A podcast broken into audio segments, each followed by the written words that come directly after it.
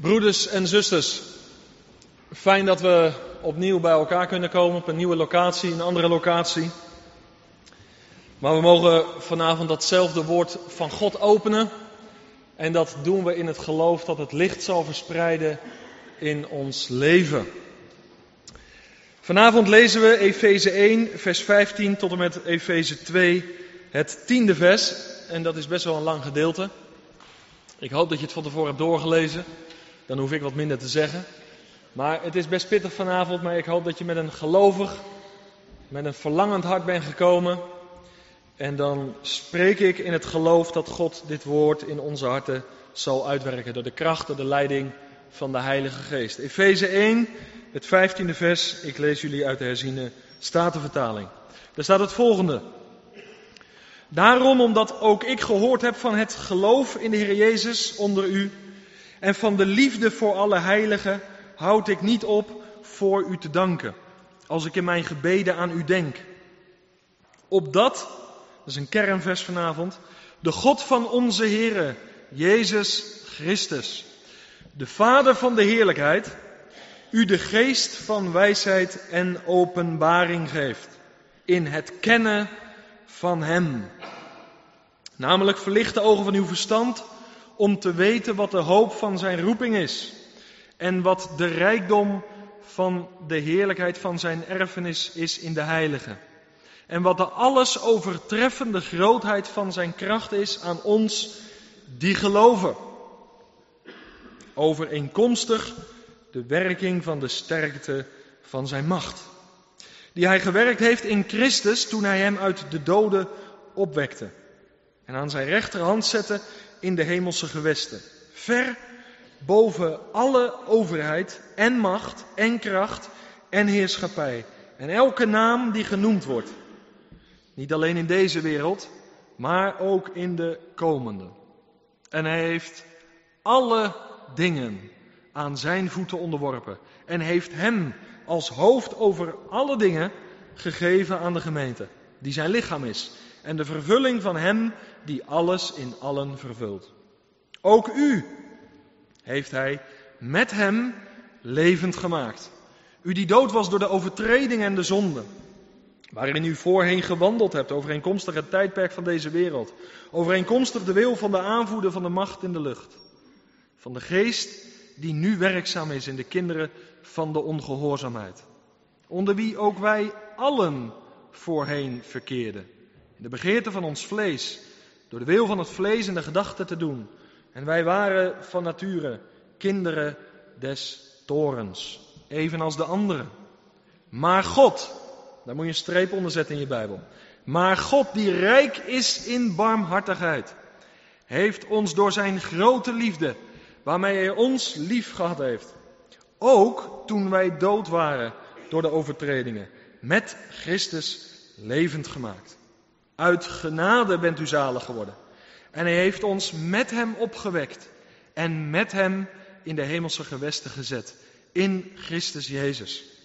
Opdat hij in de komende eeuwen de alles overtreffende rijkdom van zijn genade zou bewijzen. Door de goede tierenheid over ons in Christus Jezus. Want uit genade bent u zalig geworden door het geloof. En dat niet uit u. Het is de gave van God.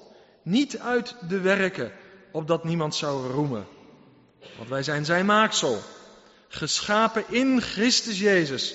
Om goede werken te doen. Die God van tevoren bereid heeft. Opdat wij daarin zouden wandelen. Tot zover. Nou, dat is heel wat wat Paulus hier verwoordt in 19 versen. Een woord destijds voor de gemeente in Efeze en vanavond voor ons, voor u, jou en mij. Het is best veel vanavond. Het is goed als je meeschrijft. En het is nog beter als je deze boodschap terugkijkt. Want wat je vanavond niet oppakt, of wat misschien wat te veel is, dat kan je via de videoboodschap toch tot je nemen. En dan kan je de dingen herhalen. Paulus schreef, zoals ik gezegd heb de vorige keer, deze brief aan een gemeente in Efeze. Het was meer een rondzendbrief. Hij is naar verschillende gemeenten gegaan. En hij is uiteindelijk ook naar de gemeente van de Heer Jezus gekomen in Nederland. In het Drechtstedengebied. Prijs de Heer daarvoor. Dit is het woord wat leven geeft. Wat ons leven van binnenuit gaat veranderen. En is dat nou je verlangen voor vanavond? Om niet dezelfde te blijven, maar om veranderd te worden van heerlijkheid tot heerlijkheid. Amen? Amen, daar gaat het om. En dat is het doel van Paulus, dat is verlangen. Dat de Heer Jezus meer en meer in ons zichtbaar wordt.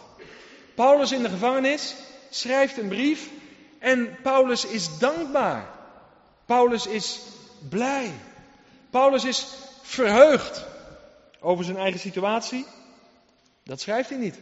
Maar hij is blij vanwege het geloof en de liefde van de gelovigen in de gemeente in Efeze. Wat een getuigenis. Is dat het getuigenis voor jullie gemeente? Ik weet niet tot welke club of kring jij behoort, maar dat is een getuigenis. Hij ik heb gehoord van jullie geloof, van jullie vertrouwen in de Heer Jezus. En ik heb ook gehoord van jullie liefde tot alle heiligen. Niet, niet alleen tot je soortgenoten, tot alle heiligen. Liefde tot allen die de Heer Jezus Christus hebben aanvaard als hun persoonlijke Heer, als hun persoonlijke heiland. Dit zijn de kenmerken van het nieuwe leven. Dit is wat de wereld overwint, namelijk ons geloof. Ons vertrouwen op de Heer Jezus Christus. Die gezegd heeft, ik ben gisteren en heden dezelfde. En dat tot in eeuwigheid. Dat was het kenmerkende van die Efeziërs destijds. Leefden niet voor deze wereld. Keken niet naar de omstandigheden, naar die situatie. Maar waren gericht, gefocust op de Heer Jezus alleen. En Paulus heeft van dat geloof gehoord. En dat maakt hem blij. Ben je er ook blij mee? Als iemand uit een andere kring dan waar jij toe behoort, dit geloof beoefent. Kan je hem zegenen? Gezegend ben je dat je deze wandel met de Heer gaat. Dat je in zijn weg bent. Paulus hoorde ervan, wat een geweldig getuigenis. En de liefde was er, de agape-liefde wel te verstaan. En waarom is dit reden tot blijdschap? Nou, Jezus wandelde in zijn dagen rond en we lezen in Marcus 6 dat Jezus in Nazareth geen kracht kon doen vanwege hun ongeloof. En daarom is het belangrijk dat je vanavond hier gekomen bent in geloof. En dat blijft natuurlijk een mysterie, want God is toch de Almachtige en Hij kan toch dwars door ons ongeloof heen breken. Hoe het precies zit, weet ik niet. Maar blijkbaar zit er een verband tussen het werk van God en het geloof wat wij beoefenen. Daar zit een verband in. Want dat zijn de woorden uit Marcus 6 zelf. Geen kracht vanwege ongeloof. En daarom, broeders en zusters, ik hoop dat je deze serie blijft volgen in geloof, in vertrouwen. Voor je eigen leven, voor de mensen om je heen, dan gaat God verandering brengen. In jouw leven, verdieping. En daar verlangen we naar, toch? Meer heerlijkheid van Hem in ons leven. En in Johannes 13 staat iets over die liefde, het belang daarvan. Johannes 13, vers 35. Daar staat, hierdoor zullen allen inzien dat u mijn discipelen bent als u liefde hebt onder elkaar. Hoe zal de wereld weten dat wij, zoals we deze avonden waar we ze naar genoemd hebben, volgelingen van Jezus zijn? Hoe zullen ze het weten als er onderlinge liefde is? En wel de agape-liefde, de liefde die zichzelf verlogent. Belangrijk hoe Paulus hier begint in dat vijftiende vers. En dat geeft blijdschap in zijn hart. Dankbaarheid. Geloof, hoop en liefde. Dat zijn de christelijke metgezellen. En vervolgens gaat Paulus over tot het doen van voorbeden. We zullen in deze brief een aantal gebeden van Paulus tegenkomen. En die heeft hij aan het papier toevertrouwd. Paulus doet voorbeden. En dat is belangrijk om in ons leven mee te nemen. Want hieruit leren we het belang van voorbeden. Er zijn te veel christenen vandaag die zijn met zichzelf bezig. Daar draait het allemaal om hun eigen ik. En uiteindelijk om de bevrediging van hun behoeften. En andere christenen die zijn bezig met hun idealen, met hun verlangens. Maar Paulus leert ons het belang van voorbeden. En wat betekent dat? Nou, Paulus die was niet zozeer met zichzelf bezig. Maar Paulus was, deed voorbeden ten behoeve van een ander. Ten behoeve van een derde partij. Herken je dat in je leven? Hoeveel tijd van je gebedstijd besteed je aan voorbeden? Niet zozeer dat je met jezelf bezig bent, maar dat je bidt voor een ander. Paulus leert het ons, het belang van voorbeden. En dat vraagt zelfverloochening. Voorbidders, dat zijn mensen die zichzelf verloochenen. Omdat je niet zozeer met je eigen ideale wensen bezig bent, maar met het belang van die ander. En je treedt tussen die ander en de Heere God in. Je wordt een voorbidder, zoals Mozes. Zoals de hoge priester onder het oude verbond, die intrad bij God namens het volk. Zoals onze Heer en Heiland, de Heer Jezus Christus, die in de bres ging staan voor u, jou en mij. Voorbeden is belangrijk. En dan de inhoud van zijn voorbeden. En dat is het kernvers waar ik vanavond heel veel over ga zeggen. Vers 17 van Efeze hoofdstuk 1. Wat is nou de inhoud van het gebed van Paulus voor die gelovigen daar in Efeze? En wat is het gebed van Paulus voor ons vanavond hier? Ik ben blij dat hij het gebeden heeft, ook voor mij. En wij moeten dit op onze beurt weer oppakken om het door te geven aan anderen en om dit gebed zelf te gaan bidden voor anderen. Wat bidt hij? Vers 17, zo belangrijk. Opdat de God van onze Heere, Jezus Christus, de Vader van de heerlijkheid, u de geest van wijsheid en van openbaring geeft in het kennen van Hem. Wil je dat onderstrepen in je Bijbel? Paulus doet voorbeden. Dat jij en ik vanavond, dat wij door deze serie heen een geest ontvangen, de geest van kennis en van openbaring. De geest van wijsheid. Dit is zo belangrijk. Dat wij meer van de Heer Jezus gaan zien. Dit is de kerntekst van alle 19 versen die ik heb gelezen. En dit is mijn gebed voor deze avonden. Dat God zijn geest zal geven van wijsheid en van openbaring. Dat wij meer gaan zien, meer gaan inblikken in het vaderhart van God. Ben je daar nieuwsgierig naar wat daarin leeft?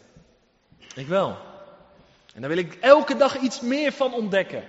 Want het kennen van Hem verandert mijn leven. Ik sprak onlangs in Papendrecht, een aantal waren daarbij. En toen heb ik voor de jeugd gesproken over het thema Gij geheel anders.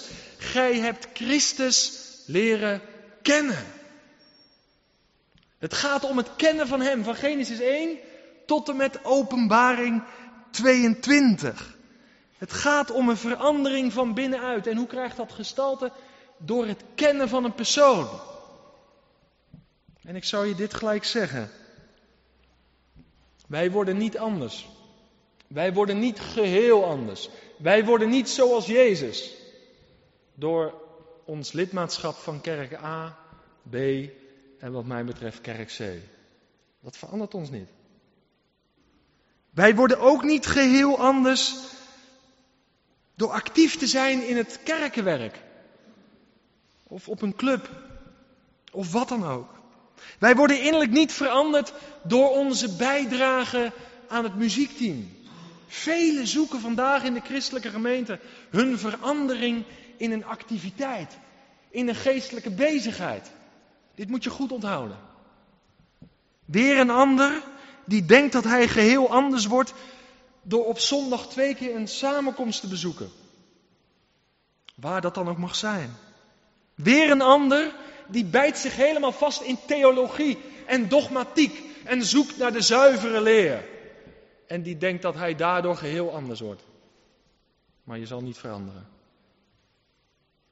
En om het rijtje nog maar af te maken, weer een ander die pest zich in een harnas en die leeft van wet op wet en regel op regel. Maar het zou je innerlijk niet veranderen, want in Jezus' dagen waren er zoveel van dat soort mensen. Maar Jezus zei tegen hen: Je bent een wit gepleisterd graf. Het gaat erom wie we aan de binnenkant zijn. En wat zal ons leven veranderen? Het kennen van de persoon van de Heer Jezus Christus alleen. Alleen een persoonlijke relatie met Hem zal ons van binnenuit veranderen. Wij kijken naar de buitenkant. Wij zijn onder de indruk van iemands deelname aan gemeentelijke activiteiten. Maar God ziet ons hart aan. Mijn zoon, mijn dochter, geeft mij je hart. Om het vervolgens helemaal te gaan vormen. Naar het vaderhart van God. En dat is waarom wij nodig hebben de geest van wijsheid en van openbaring. Een heel simpel voorbeeld, een bekend voorbeeld, ik heb het in Papendrecht ook genoemd, ik ga het toch weer noemen. Een jongen die verkering krijgt met een meisje.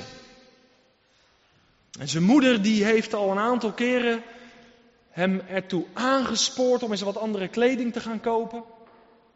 Die broek die je aan hebt, dat ziet er toch niet uit, dat zie je zelf toch ook wel? En doe je haar nou eens een keer anders. Maar die jongen die is dwars en eigenwijs en hij wil niet en hij doet het niet. En die moeder probeert het op allerlei manieren tot verandering te brengen, maar hij doet het niet. En dan ontmoet hij haar, waar hij al zo lang naar uitzag. En hij krijgt een relatie.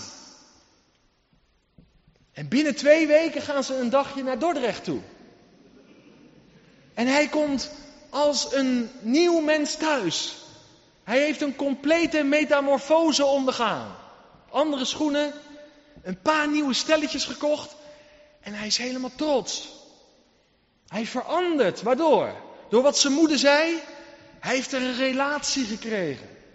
En alles moet wijken om haar maar te, ja, blij te maken, te verheugen. En ze durft die eerste weken nog niks te zeggen over zijn haar, maar die week nadat ze kleding hebben gekocht, komt ook de kapper om de hoek. En heeft een nieuw kapsel. En wat zijn moeder niet voor elkaar kreeg, kreeg, dat gebeurt door die relatie. Hij wordt van binnenuit veranderd. Zijn hart wordt afgesteld op haar hart. Zijn gedachten, haar gedachten.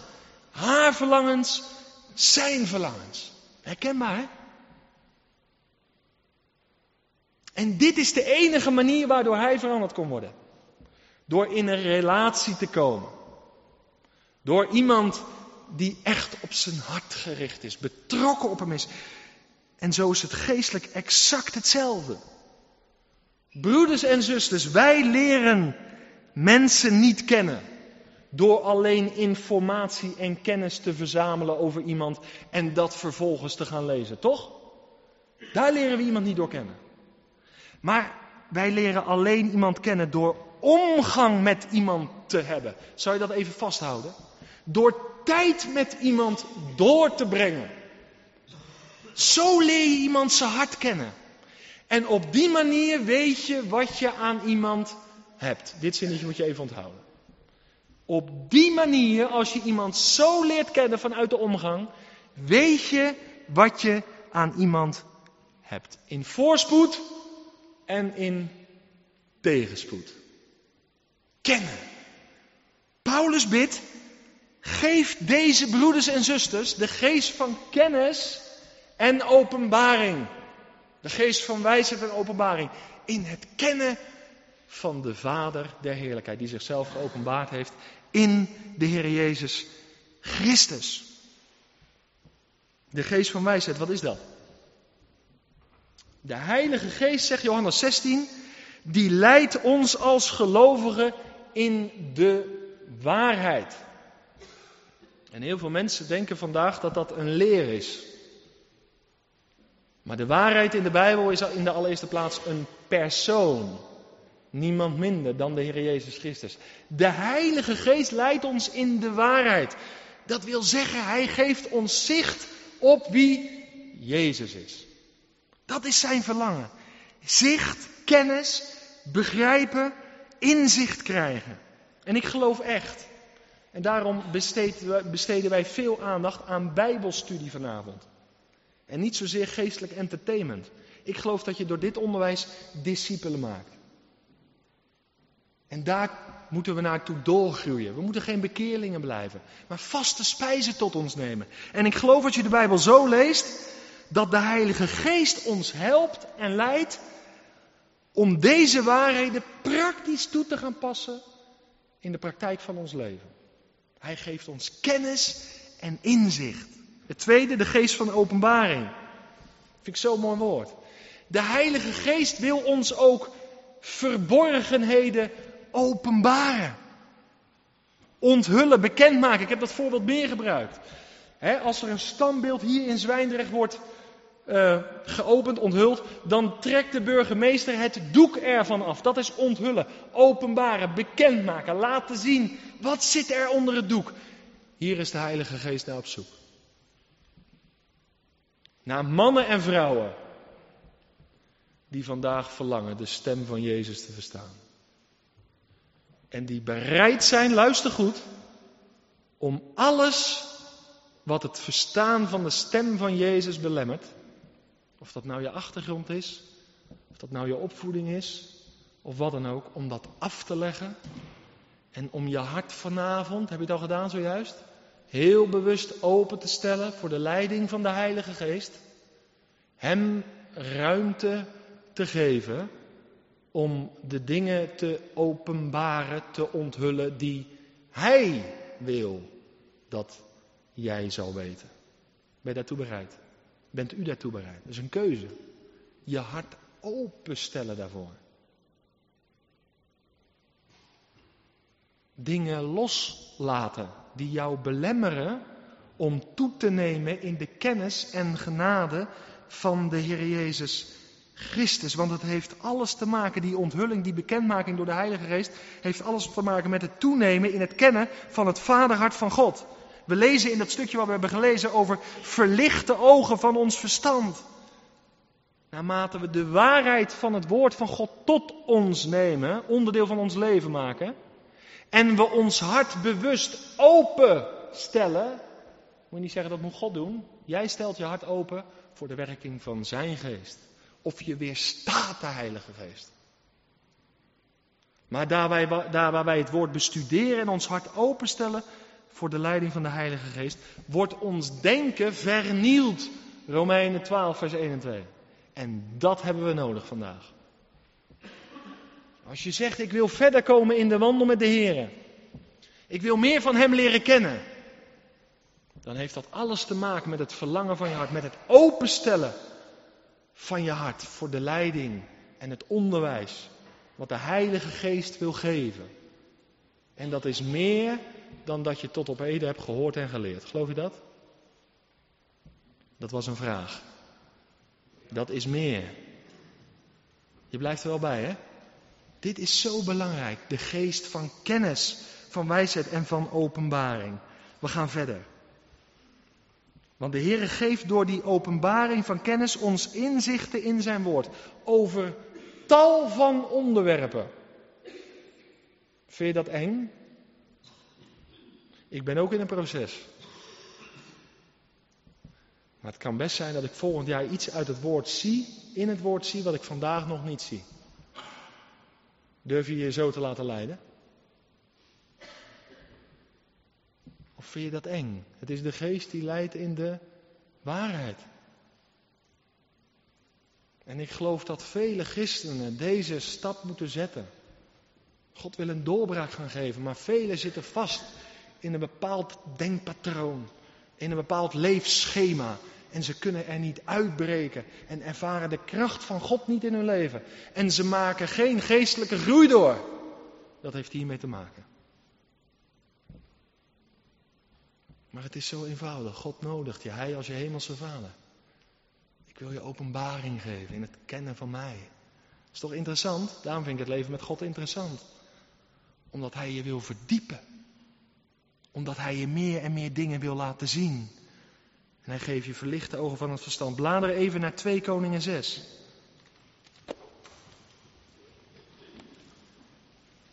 En hij wil je niet alleen inzicht geven in het tal van onderwerpen en thema's, maar hij wil je bovenal meer en meer laten zien wie de Heer Jezus is.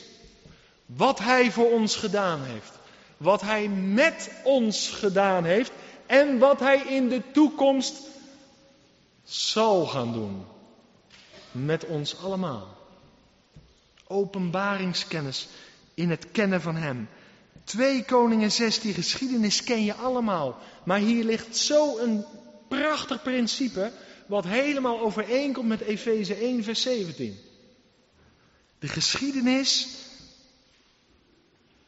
van Elisa en zijn knecht. Zo indrukwekkend. De koning van, Assyrië, van, van Syrië die zoekt Elisa. En wat staat er dan in 2 Koningen 6 vers 15? En de dienaar, de knecht van de man gods, stond heel vroeg op. En ging naar buiten en zie, een leger met paarden en strijdwagens omringde de stad. En toen zei, toen zei zijn knecht tegen hem, ach mijn heer, wat moeten wij doen? Hij is, hij weet het niet meer. Hij is verschrikt. Hij is verkrampt. Wat moeten wij doen? En dan komt Elisa. Mooi, het type van de Heer Jezus. Wees niet bevreesd. Want die bij ons zijn, zou je die onderstrepen, die tekst, zijn meer dan die bij hen zijn. Wij hebben de geest van kennis, wijsheid en openbaring nodig om de geestelijke werkelijkheid meer en meer te gaan zien en te ontdekken, waarin we delen door het geloof in de Heer Jezus Christus. Begrijp je wat ik bedoel? Dit is zo belangrijk. De knecht van Elisa zag niet wat Elisa zag. En vele christenen vandaag zien niet waar ze door het geloof allemaal in delen. En lijden geestelijke nederlaag op nederlaag. Zijn ontmoedigd, gefrustreerd en teleurgesteld. En het is zo mijn verlangen om vanavond voor jullie allemaal als een Elisa te zijn. En dat God vanavond ons gaat geven een geest van wijsheid en van openbaring in het kennen van Hem. Want wat zegt Elisa? Wees niet bevreesd. En in vers 17, Elisa bad en zei, Heere, open toch zijn ogen, zodat hij ziet. Broeders en zusters, dit is eigenlijk wat ik je vanavond wilde vertellen. Dat wij meer en meer gaan ontdekken als wederom geboren mensen. De geestelijke zegeningen die ik vorige keer heb behandeld. Maar ook wat ik zo dadelijk nog ga behandelen. In vogelvlucht. Maar hier gaat het maar vanavond om. Dat we het gaan zien en gaan geloven. En nu kan het zo zijn dat er een broeder of zuster voor of, of naast je zit of voor je staat die het wel ziet. En dat we aan elkaar gegeven zijn om, ons, om elkaar te helpen om verder te kijken dan onze geestelijke neus lang is. Vele christenen vandaag moedeloos, teleurgesteld, neergeslagen, angstig, vreesachtig, zoals de knecht van Elisa. Ik hoop dat je het plaatje ziet. En hij bidt, open zijn ogen. Paulus bad, geef ze de geest van wijsheid en openbaring in het kennen van hem. En dan? En de Heere opende de ogen van de knecht, zodat hij zag. En dan komt het, hè? Openbaringskennis. En dan staat er, en zie, de berg was vol paarden en strijdwagens van vuur rondom Elisa. Broeders en zusters, door het geloof in de Heer Jezus Christus zijn wij overgegaan van het rijk van duisternis naar het rijk van het licht. We dienen een nieuwe Heer, we dienen een nieuwe Meester. We hebben een nieuwe gezagspositie gekregen. Maar het wordt tijd dat we het gaan ontdekken. Dat we het gaan geloven, dat we God ervoor gaan danken.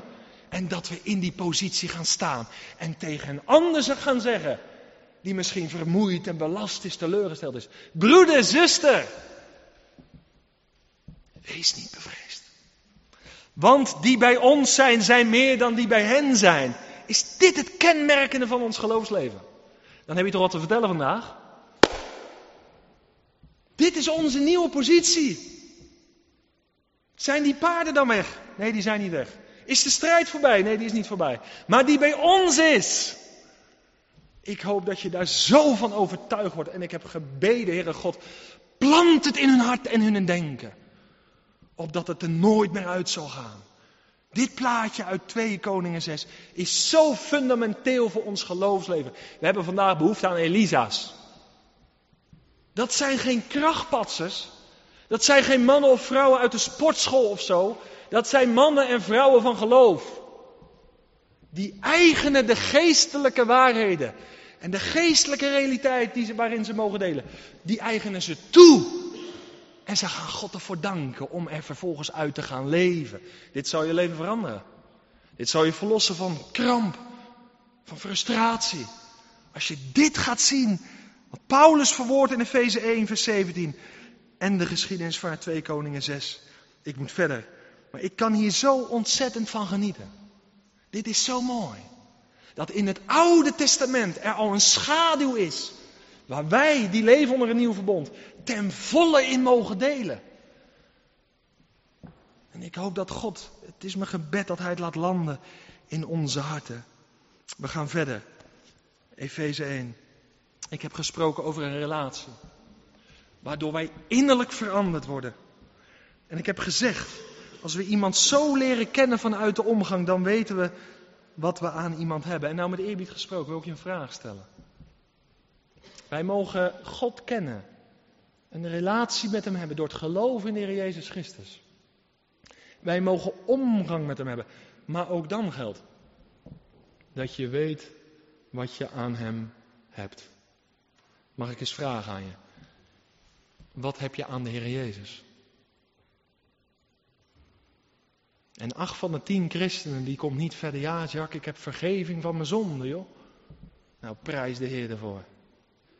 En een ander zegt, ja, ik heb de Heilige Geest ontvangen. Maar wat een geschenk. En weer een ander zegt, ja, ik deel in het eeuwige leven. Glorie aan het Lam. Geweldig. Verwonder je erover. En neem die dingen steeds weer tot je. Wees er blij en dankbaar voor. Maar er is nog zoveel meer. Hoeveel christenen blijven niet steken bij hun bekering? En tobben hun leven lang wat af. Ben ik het nu wel of ben ik het nu niet? De ene week hebben ze het wel en de andere week hebben ze het niet. Ik bedoel dit niet schoppend, maar bewogen. Dit is niet het verlangen van God. Dit is niet het verlangen van onze Hemelse Vader. Dit is niet de waarheid zoals de Bijbel die leert. Dit is niet de verkondiging die verkondigd moet worden. Dit is een leugen. God heeft zijn zoon gegeven om een relatie te krijgen met ons, om de kloof te overbruggen, zodat we vervolgens ook als geliefde kinderen gaan wandelen, ontspannen, vrij in mijn geweten, rust en vrede, omdat ik Hem heb leren kennen, de vredevorst de rust aanbrengen. En van daaruit mag ik veel meer dingen gaan ontdekken, omdat ik de geest van wijsheid en van openbaring ontvang in het kennen van Hem. En deze beperkte kennis van deze dingen is de reden dat er vandaag, is de oorzaak dat er vandaag zo weinig kracht uitgaat van de christelijke gemeente. Omdat deze waarheden als je daarover spreekt en eruit leeft, heel vaak bestempeld worden als hoogmoedig, als trots, zelf ingenomen.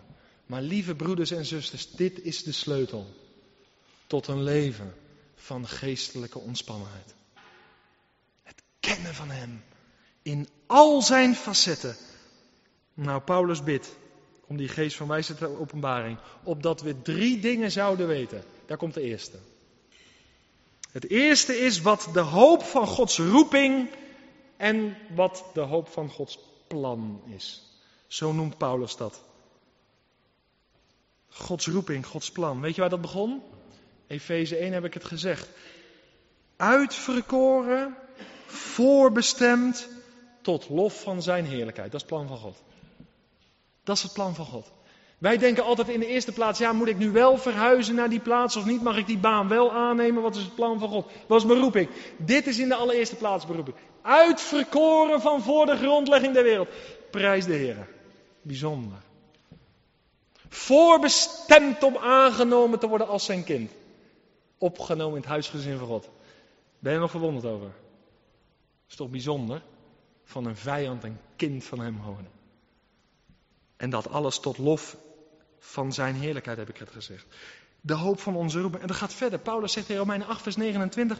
We zijn uitverkoren. God heeft een plan. Gods roeping is de verheerlijking van de Heer Jezus in ons leven. En de vorming naar het beeld van Christus, de Zoon van God. En daarom, broeders en zusters, het moet verder komen in ons leven dan alleen bekering. Het moet verder komen dan alleen vergeving van zonde. En daar ligt juist de rijkdom. Het gaat om de gelijkvormigheid aan het beeld van de Heer Jezus. Dat God vandaag zijn gemeente zoals die hier is, kan gebruiken om zichzelf en zijn heerlijkheid te openbaren aan een wereld verloren in zonde en schuld. Daarom moet het verder komen dan die eerste dingen. Hoe rijk ze ook zijn. De hoop van Gods roeping. En straks bij de komst van de Heer Jezus, dat staat in 1 Johannes 3, als Hij komt met macht en majesteit, zullen we in een oogwenk Hem zien zoals Hij is en Hem gelijk zijn zoals Hij is. Dat is uiteindelijk het plan van God. Het verlangen van de Vader. Dat we helemaal gelijkvormig zijn aan het beeld van zijn zoon, van wie hij gezegd heeft, deze is mijn geliefde, in wie ik welbehagen heb. Hoort naar hem. Dat is het eerste wat Paulus hier bidt, de hoop. Dat we weten wat de hoop van Gods roeping is, ook voor ons leven. Het tweede wat hij noemt, en deze hoop, dat vergeet ik nog, deze hoop op de heerlijkheid, die moet en die mag vandaag in ons leven zichtbaar worden. Wie deze hoop op hem heeft, die reinigt zichzelf. De hoop die wij als christenen hebben, die drukt een stempel op ons leven vandaag. Dat wordt zichtbaar. Het tweede waarom Paulus bidt, dat wij zullen weten wat de rijkdom is van Gods erfenis. Dat is een interessante, toch? Een erfenis, daar moeten alle lampen en, eh, gaan branden en bellen gaan rinkelen. Er ligt een erfenis in het verschiet. Als de notaris u morgen belt, die aardse dan. En is er, u moet op kantoor komen, want er is een erfenis die is opengegaan, die is vrijgekomen. En hij staat op uw naam. Ik denk dat u die afspraak bij de kapper laat zitten. En u zegt, ik kom er gelijk aan. En tot die erfenis, u raakt steeds meer verwonderd als de boeken opengaan. Tot die erfenis behoort ook die boerderij. Daar ergens in een of andere waard hier in de omgeving. En u zegt, oh hoort die erbij, dan ga ik daar ook kijken, want ik wil het allemaal zien waarin ik deel. Ik kan het bijna niet geloven. Toch is het zo. Je bent nieuwsgierig, verlangend. Ben je nou ook verlangend wat je geestelijke erfenis is? Want weet je, je hebt die erfenis nog niet in handen. Maar de notaris vertelt er alleen van. En, en, en de vreugde ontspringt in je ziel. En nou de geestelijke erfenis. Dat brengt verandering in ons leven. Want vanavond roept de hemelse notaris ons. En zegt: Kom eens dichterbij. Kom eens dichterbij. Ik heb iets met je te delen. En het is niet het minste wat ik met je te delen heb.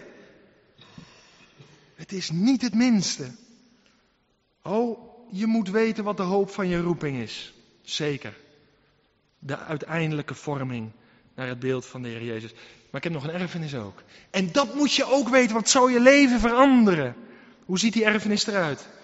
Voor zover ik de Bijbel goed lees, bestaat die hieruit. Stel dat wij eerder overlijden dan dat de Heer Jezus terugkomt. Dan zal straks na ons sterven hebben wij een tijdelijk verblijf in de heerlijke nabijheid, in de heerlijke tegenwoordigheid van God.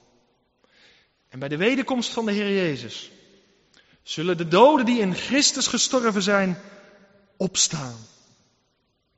De opstanding van de gelovigen, waarna zij in het Messiaanse vrederijk deel mogen hebben aan het regeren met de Heer Jezus Christus.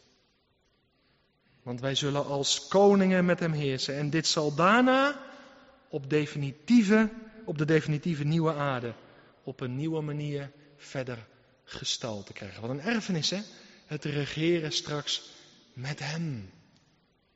En dat vanuit Jeruzalem, als Jezus zich openbaart als Heere der Heren, als Koning der Koningen. Daar wordt er enthousiast van voor zo'n erfenis, of niet? Daar zien we toch naar uit. Want de vrede zal op deze wereld pas echt doorbreken als de vrede vorst daar is. Eerder niet, ondanks alle pogingen. Maar het zal daar zijn als hij daar is. En we delen in die geweldige erfenis. Paulus zegt, dit moet je weten, wat de rijkdom van je erfenis is. Dat je je nu al kan verblijden over de komst van de komende koning. Zie je er naar uit? En tot die tijd moeten we doorgaan met de prediking van het evangelie van het koninkrijk. Bekeer je en geloof het evangelie. Jezus komt. Amen. Daar zien we naar uit. Het derde wat je moet weten is dit. Een hele grote zin, ik ga hem iets inkorten. Wat de grootheid van Gods kracht is in en door de gelovigen. Het is een heel bijzonder stukje dit. Dat is de derde. Wat de grootheid van Gods kracht is in en door de gelovigen. Hou je goed vast wat ik nu ga zeggen. Paulus leert in de Romeinenbrief het volgende, hoofdstuk 6, vers 4 voor de schrijvers en hoofdstuk, 11, vers, hoofdstuk 8, vers 11. Dat de kracht van Jezus' opstanding en dat de geest die in de Heer Jezus aanwezig was, vandaag onder het nieuwe verbond werkzaam is in jou en mij die geloven. Geloof je dat? Geloof je dat? Zo belangrijk. Romeinen 6, vers 4. De kracht waarmee God de Vader Jezus opwekte uit de dood, is dezelfde kracht waarmee Hij mij levend heeft gemaakt. Met Hem. En dat is dezelfde kracht waaruit ik vandaag mag leven. En de geest die in Christus was, is vandaag in jou en mij. Is dat rijk of is dat niet rijk? Dit zou je blij moeten maken.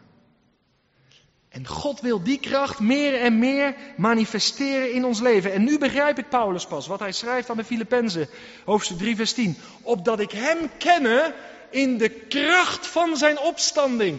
Paulus kende God de Vader al, omdat hij de Messias, de Heer Jezus, had aanvaard. Maar Paulus bleef niet bij de eerste beginselen. Paulus wilde opwassen in kennis en genade, opdat ik hem kenne in de kracht van zijn opstanding. Dat wil dit zeggen.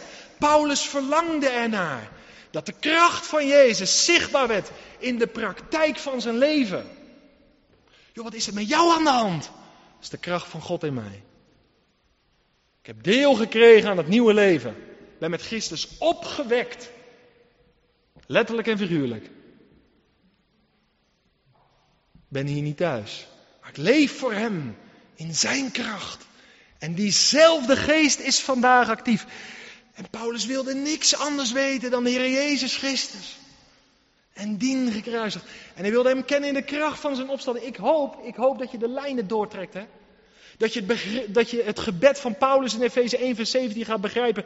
Geef ze toch die geest van openbaring en kennis. Dat ze dit gaan ontdekken. Dat die kracht vandaag actief is in de gelovigen. Voor wie zichzelf openstelt. Om die kracht ook te ervaren. Te beleven. Dat God er waarachtig is. En dat zijn kracht niet verminderd is. En dat ik mag leven door de geest die in de Heer Jezus was. De vraagt iemand gelijk, maakt het nou eens een beetje concreet. Want wat betekent het dat kracht van God concreet meer en meer in mijn leven openbaar wordt? Dat ik dat meer en meer ga ervaren. Mag ik drie dingen noemen? In de eerste plaats, dat God ons wil laten delen. Op grond van de genade van de Heer Jezus Christus. Daar zet ik een streep onder. Dat God ons wil laten delen in meer overwinning over de verleiding tot zondigen. In gedachten, woorden en daden. Geloof je dat?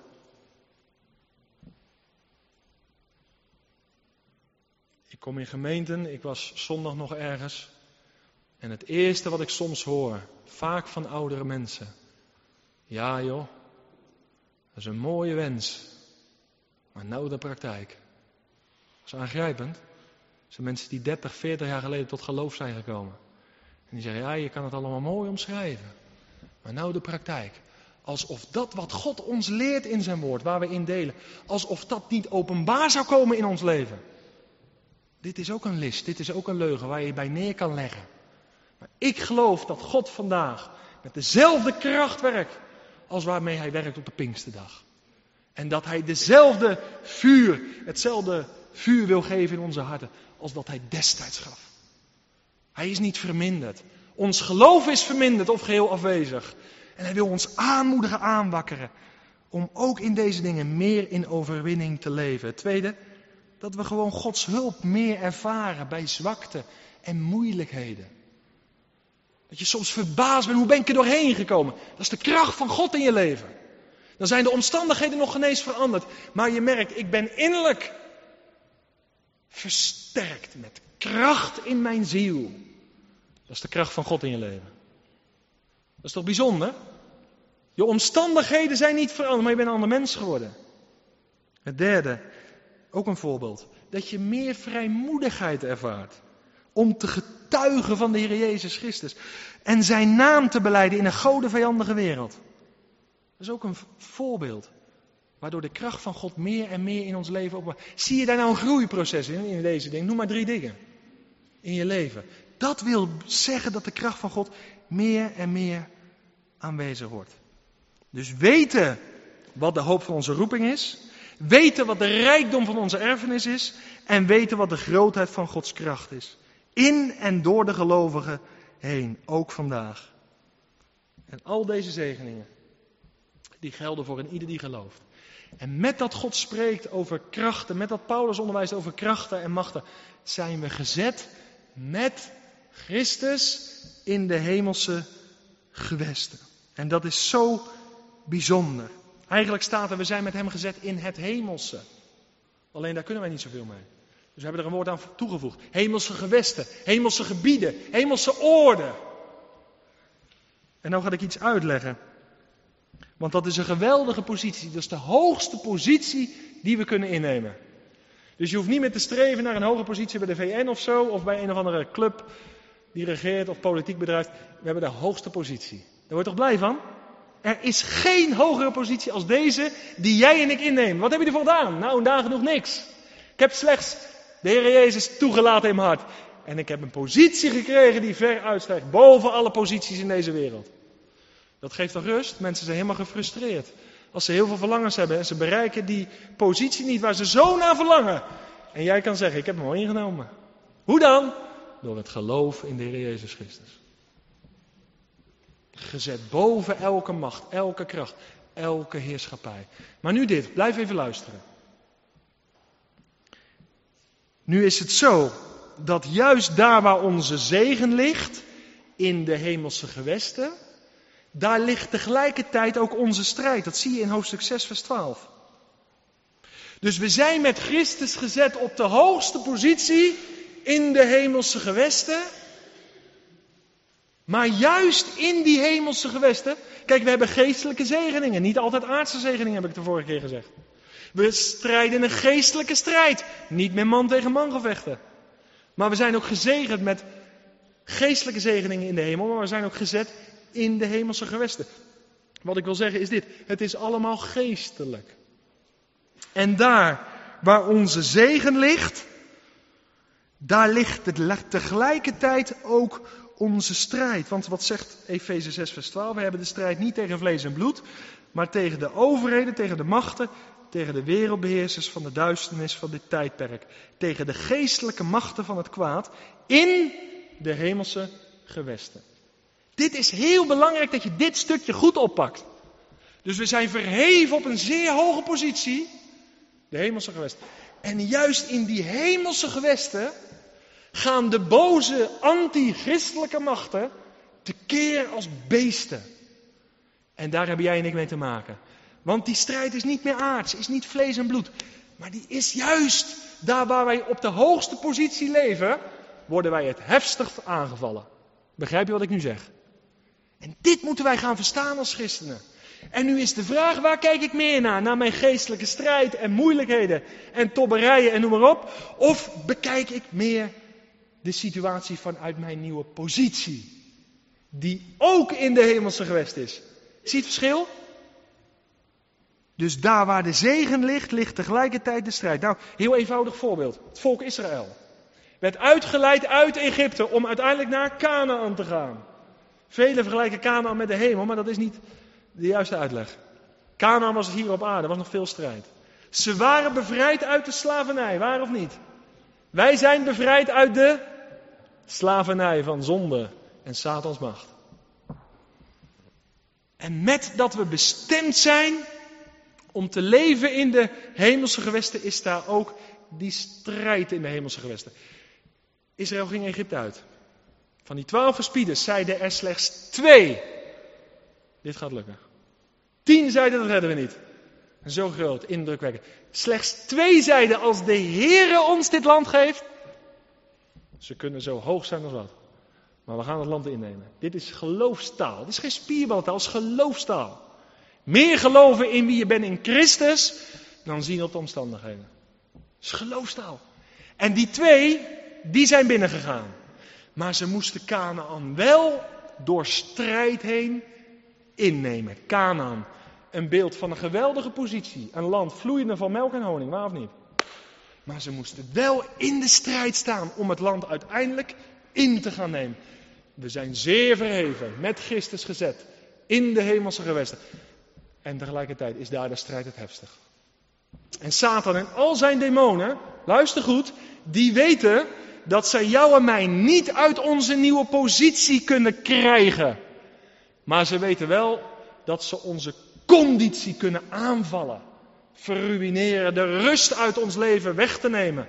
Dat je je uiteindelijk drukker maakt om de lekke band van je auto, dan dat je ziet op je geestelijke positie. Begrijp je wat ik bedoel?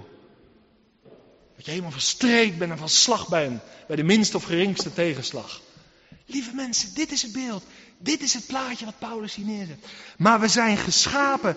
God heeft ons uitgeleid naar een Kanaans En er zijn heel veel machten en krachten vandaag, demonen, actief om ons uit dat gezegende hemelse leven te trekken, uit dat Kanaans leven. En ik wil je opwekken om je daar niet uit te laten trekken.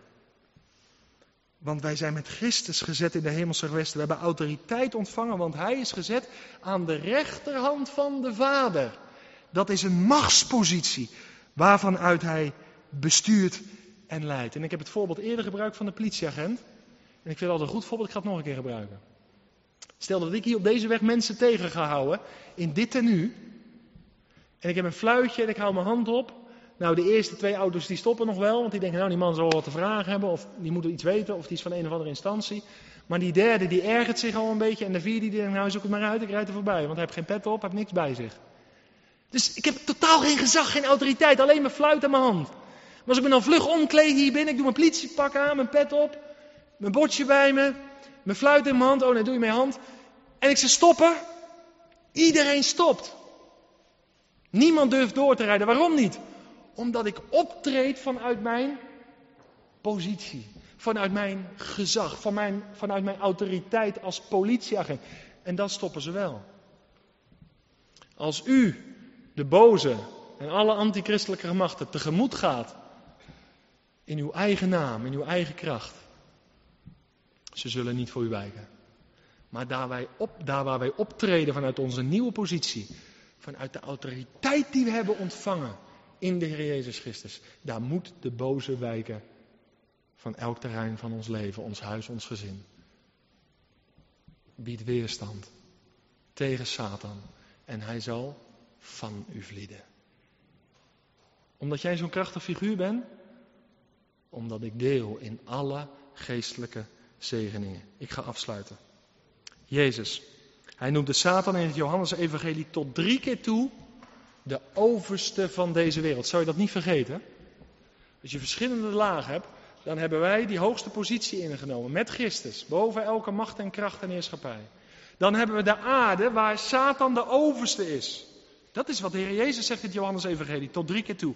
En daartussen vindt die strijd plaats. Zie je het plaatje? Zie het voor je? Wij hier, hij is hier actief. Daartussen vindt die geestelijke strijd plaats. Maar er gaat een moment komen, en daar wil ik je mee bemoedigen. Dat die strijd, dat hij definitief moet gaan verliezen. Want het feit dat hij hier de overste is, zorgt ervoor dat wij strijd ervaren. Dat wij druk ervaren. Maar straks komt de koning. Als hij zijn vrederijk gaat stichten. En wat gebeurt er dan met die heerschappij? Die gaat zakken. En hij daalt met zijn heerschappij neer op aarde. En dan wordt Satan voor duizend jaar gebonden. Eindelijk vrede. Eindelijk rust. Hij is gebonden. En ik wou nog lezen met je Jezaja 11, maar dat voert allemaal te ver. Maar dat is zo mooi. Die geestelijke strijd is actief. Maar straks als de koning komt, de vredevorst. In het bijzonder voor zijn volk Israël, maar we zullen delen erin. Dan daalt die rust, die vrede. De heerschappij en het gezag neer. Met dat de koning komt. Vind ik zo indrukwekkend. Satan duizend jaar gebonden. Eindelijk vrede. Eindelijk rust. En de heerlijkheid van God zal de aarde gaan bedekken. Zoals de wateren de bodem van de zee bedekken. Daar gaat het naartoe. Want de duivel is reeds verslagen. Wij strijden de geestelijke strijd vanuit een reeds overwonnen vijand. En nu zegt iemand, een kritische luisteraar. Maar Paulus, vloei je nou niet een beetje door? Ben je nou niet een beetje eenzijdig? Ben je nou niet blind voor je eigen verleden? Word je nu niet hoogmoedig? Nou, zegt hij, hoofdstuk 2. We vliegen er doorheen hoor. Dat is allemaal oude leven dit. Wat zegt hij? Nee, nee, nee, ik ben niet blind voor de werkelijkheid. Ik was ook dood door de zonde en de overtredingen. Ik heb ook gewandeld overeenkomstig het tijdperk van deze wereld. En ook ik was voorheen dat ik verkeerde in de begeerte van het vlees. Ik deed ook de wil van het vlees en van de gedachten. Ik was ook van nature een kind van de toor. Ben niet blind voor de werkelijkheid. Maar weet u, lieve mensen, dit moet goed tot je doordringen. Dit is niet meer waar ik bij leef. Ik ontken het niet, ik zie het ook wel. Maar het behoort tot mijn verleden. Het is mijn oude leven. En dat is met Christus aan het kruis genageld. Ik heb afscheid genomen. Hoe, hoe komt dat dan, Paulus? Was jij zo'n geweldenaar? Nee, nee, nee, ik zal je meenemen. Vers 4. Maar God, dat is het. Die rijk is in barmhartigheid. Als je het geheim van Paulus' leven wil weten, vers 4. Hij maakt het verschil. Als u wil weten wat het geheim van mijn leven is. Maar God die rijk is in barmhartigheid. Heeft zijn zoon gezonden. En die heeft de prijs betaald, de kloof overbrugd. Zijn liefde en zijn genade heeft hij geëtaleerd. In de zending van zijn zoon. Hij heeft de hemel leeggeschonken, meer had hij niet. En alles wat hij had, heeft hij gegeven voor u, jou en mij. En slechts door het geloof Alleen daardoor deel ik in al die rijkdommen. En ben ik met Christus gezet in de hemelse gewest. Is het zo eenvoudig? Zo eenvoudig is het. En alles wat wij daaraan toevoegen of afdoen, is een leugen uit het rijk van de duisternis. En dit wordt tijd dat we het gaan ontdekken. Het is slechts één stap. Hem toelaten in je hart en leven. En je deelt in alle geestelijke zegeningen. Het is pure genade. Paulus roemt in de barmhartigheid van God. En hij zegt het is uit genade alleen, opdat niemand zou roemen. Ook hij niet. En hij had als Jood wat om te roemen. Besneden ten achtste dagen, een Hebreeër uit de Hebreeën, naar de wet een Fariseeën. Noem het maar op. Maar hij zegt in het licht van de Heer Jezus Christus acht ik alles schade en drek. Land het nu in je leven, in je hart, in je denken, het gebed van Paulus. Heere God, geef ze meer openbaring. Geef ze kennis van wie u bent. Dan lost alles op. Ik geloof het echt hoor. Vers 17 is gewoon de sleutel. Paulus zegt, daar ligt het geheim. Dit moeten we meer gaan ontdekken. Dit moet verkondigd worden wat we in Christus hebben ontvangen. Zodat mensen werkelijk vrijgezet worden van elke binding, wat dat dan ook mag zijn. Opdat we echt zouden gaan leven als geliefde kinderen van de Vader waar dan de geest van de Heer is, daar is werkelijk vrijheid. Dat is het evangelie. En dat is wat Paulus door wil geven. En hij nodigt je uit om hier hartelijk dank u wel voor te gaan zeggen. rijk in barmhartigheid. Dat is de God die ik dien. En of je geloof nu groot is of klein. Corrie ten Boom zegt dat maakt niet uit. Het gaat er niet zozeer om dat we een groot geloof hebben. Het gaat erom dat we geloven in een grote God. Dat is het geheim. Dus voor ieder is het. Je hoeft niet intellectueel te zijn. Wie dorst heeft, die komen. En die wil die nemen het water des levens om niet. Het hangt helemaal niet zozeer voor jou. Of het gaat erom dat je dit aanvaardt. Hoe? Door te geloven, te vertrouwen. Op wie? Op die ander, de Heer Jezus Christus. O God, geef ons openbaring. Geef ons kennis van wie Hij is, wat Hij gedaan heeft voor en met mij. En dat leven, ja, dat krijgt van binnenuit zijn beslag naar buiten toe, vers 10. Want wij zijn zijn maaksel. Geschapen in Christus Jezus om goede werken te doen. Adam werd geschapen door God. Gods maaksel in paradijs. God had genoeg werken te doen voor hem in de hof. Jij en ik leven onder het nieuwe verbond. Wij zijn zijn maaksel. Met een nieuwe schepping. Al het oude is voorbij gaan. Zie, alles is nieuw geworden. Ik heb genoeg werk te doen in de hof die aarde heet, toch? Daar ben je toe geroepen. En dat is in de allereerste plaats dat de karaktereigenschappen van God zichtbaar worden in jou, in mijn leven. U zegt, ik ga Paulus nu een beetje begrijpen. Het gaat inderdaad om vers 17 van hoofdstuk 1. Dat is echt leven. Het dieper kennen van de Vader, de heerlijkheid. Dat doe je echt leven. Maar nu zegt iemand ter afsluiting. Ik zie het. Ik begrijp het. Maar ik ervaar de kracht niet in mijn leven. Ik wil daar tenslotte drie dingen over zeggen. Want dit is een last die ik op mijn hart heb. Weet u waar dit mee te maken heeft, waar ik bang voor ben? Dat is dat vele christenen vandaag klagen over hun geestelijk leven, wat daar de reden van is. En waardoor mensen niet groeien in kennis en genade van Hem. Dat is in de eerste plaats dit. Dat we om zoveel dingen bidden, om allerlei ervaringen, om kracht. Maar dat we vergeten zijn om God te gaan danken voor dat wat hij in de Heer Jezus Christus heeft gedaan. Het wordt tijd dat we gaan danken en zeggen: Dank u wel, Heer Jezus. Ik ga niet meer bidden, ga danken. Dank u wel, Heer Jezus. En dat voor mij. Twee. Velen ervaren dit leven, wat ik vanavond verkondig niet. Dat ervaren ze niet omdat ze meer geloof hechten aan de twijfel van Satan dan aan de zekerheid van Gods belofte. Ben ik het wel, ben ik het niet? Ben ik het wel, ben ik het niet? En heel weinig christenen maken hun staat voor God zeker, maar blijven hun leven lang twijfelen. Dit is de ingang waardoor Satan velen in zijn greep houdt. En wij moeten leren om weerstand te bieden tegen deze gedachte. Als jij vanavond hier zit en zegt: Ik ben wederom geboren. Ik ken de Heer Jezus door het geloof. Dan moet je leren om elke gedachte te weerstaan. Dat stemmetje achter, hè? Ja, je zegt het wel. Maar je moet dus op van de week kijken. En geloof hechten aan dat stemmetje, dat is geloof hechten aan de leugen. Want wie gelooft, die heeft het leven. Wij moeten weerstand bieden in ons denken, afstand doen daarvan. En Satan heeft geen grip meer op je. Je leeft in vrijheid. Het derde. Velen ervaren in dit leven niet. Ervaren dit leven niet. Weet u waarom niet? Omdat ze meer geloof hechten aan wat hen geleerd is door opvoeding, door kerken, door voorgangers, dan dat ze geloof hechten aan de waarheid van het woord van God. Waar hecht je meer geloof aan? Oh zeker, dat wat je mee hebt gekregen en overeenkomt met de Bijbel. Dank de Heer daarvoor.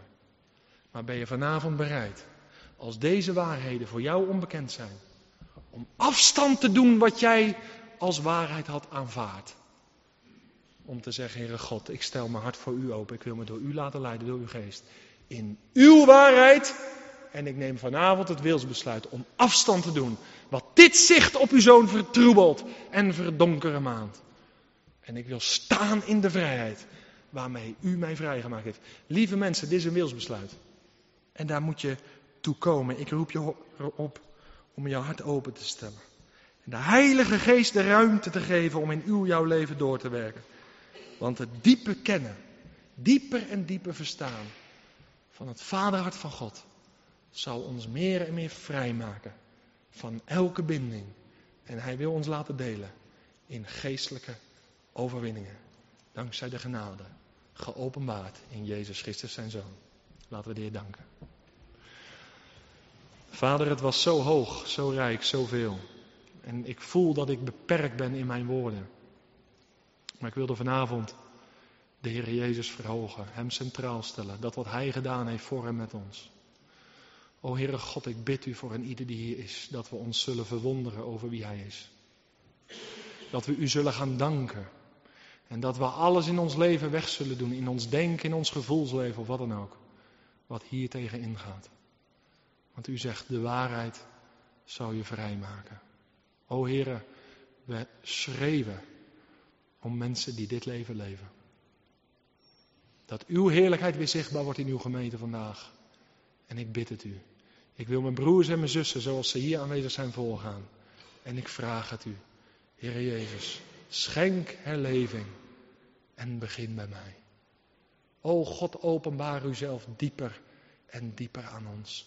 Geef ons de geest van wijsheid en openbaring in het kennen van u. In Jezus' naam. Amen.